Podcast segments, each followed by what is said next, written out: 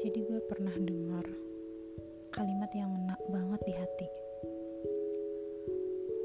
Jangan mulai sebuah hubungan kalau lu baru putus. Khususnya kalau lu lagi sakit hati.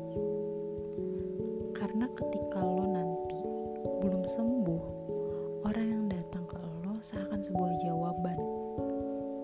Karena lo lagi butuh, lo lagi sakit, lo lagi membutuhkan seorang pahlawan. Lo gak berpikir objektif. Lo bakal cari apa yang gak ada di mantan lo. Kalau lo sakit hati karena baru putus, please izinin hati lo sembuh dulu. Lo harus mikir part apa yang menyebabkan lo putus sama dia. Jangan salahkan orang lain karena itu gak bakal bikin lo sembuh.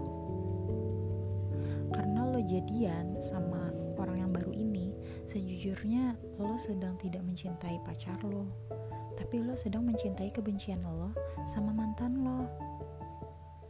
Please tahan dulu, jangan buru-buru jadian. Karena yang lo butuhin